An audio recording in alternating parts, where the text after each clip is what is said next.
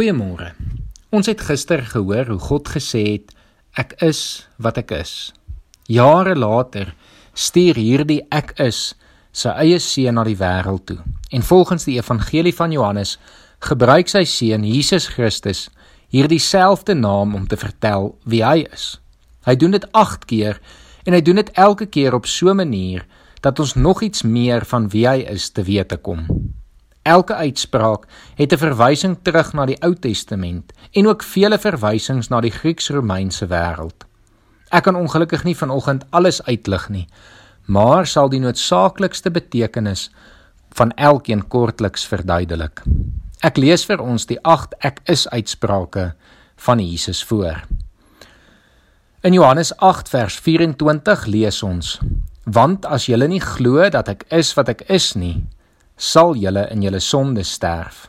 En in vers 58: Dit verseker ek julle, voordat Abraham gebore is, was ek al wat ek is. Ons weet na aanleiding van gister dat God self gesê het ek is wat ek is.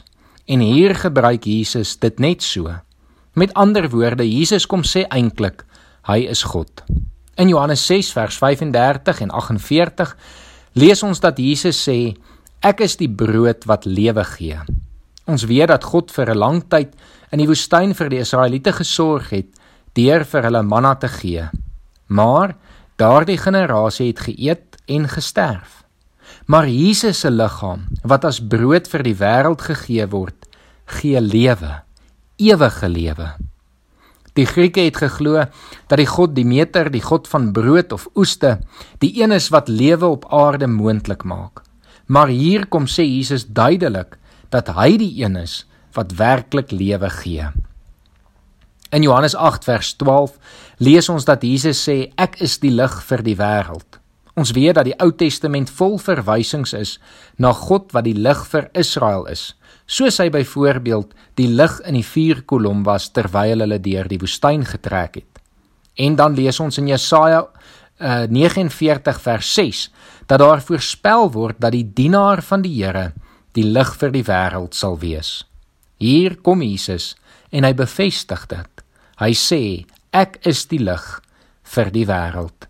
In Johannes 10 vers 7 en 9 lees ons ek is die ingang vir die skape. Hiermee bedoel Jesus natuurlik, soos ons ook later lees, dat hy die weg tot die hemel is, dat ons deur hom die hemel sal binnegaan.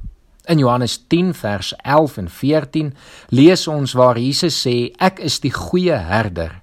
Ook hierdie beeld van herder is 'n beeld wat dikwels in die Ou Testament aan God gekoppel word. God wat as herder vir die volk Israel optree. Of soos Dawid in Psalm 23 bely dat God self sy herder is en dat hy niks kort kom nie. Hier kom erken Jesus dat hy eintlik die herder is, dat hy God is en dat sy skape sy stem sal erken. Net voor Jesus in Johannes 11 Lazarus uit die dood opwek, sê hy vir Maria die volgende in vers 25: Ek is die opstanding en die lewe. Wie in my glo sal lewe al het hy ook gesterwe. Hierdie uitspraak van Jesus vind plaas ongeveer 'n week voor sy eie kruisiging en opstanding.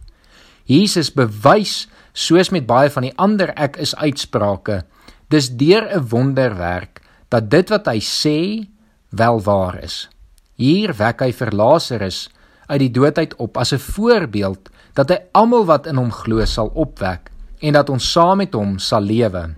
Hy kan dit doen want hy self het die dood oorwin. Hy self het uit die dood uit opgestaan. In Johannes 14 vers 6 lees ons dat Jesus sê ek is die weg en die waarheid en die lewe. Al drie hierdie terme is Griekse terme wat gekoppel was aan 'n een of ander filosofie.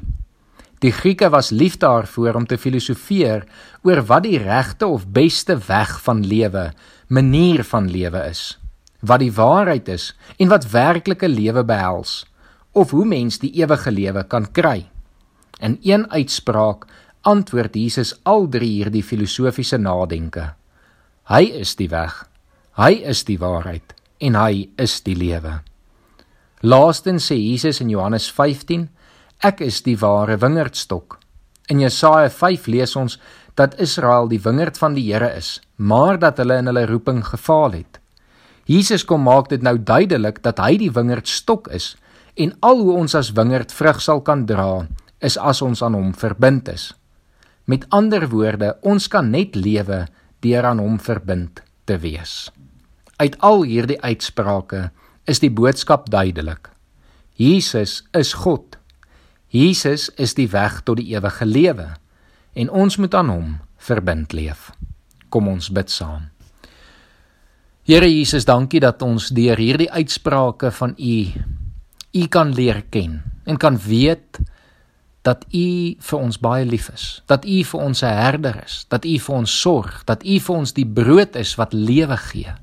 Here ons dankie dat ons kan weet dat ons aan U verbind moet leef, want dit is al hoe ons uiteindelik werklik sal kan vrug dra. Here ons kom vra dat U vir ons sal help om in U weg te lewe en dat ons sodoende U sal verheerlik. Ons bid dit in Jesus Christus se naam alleen. Amen.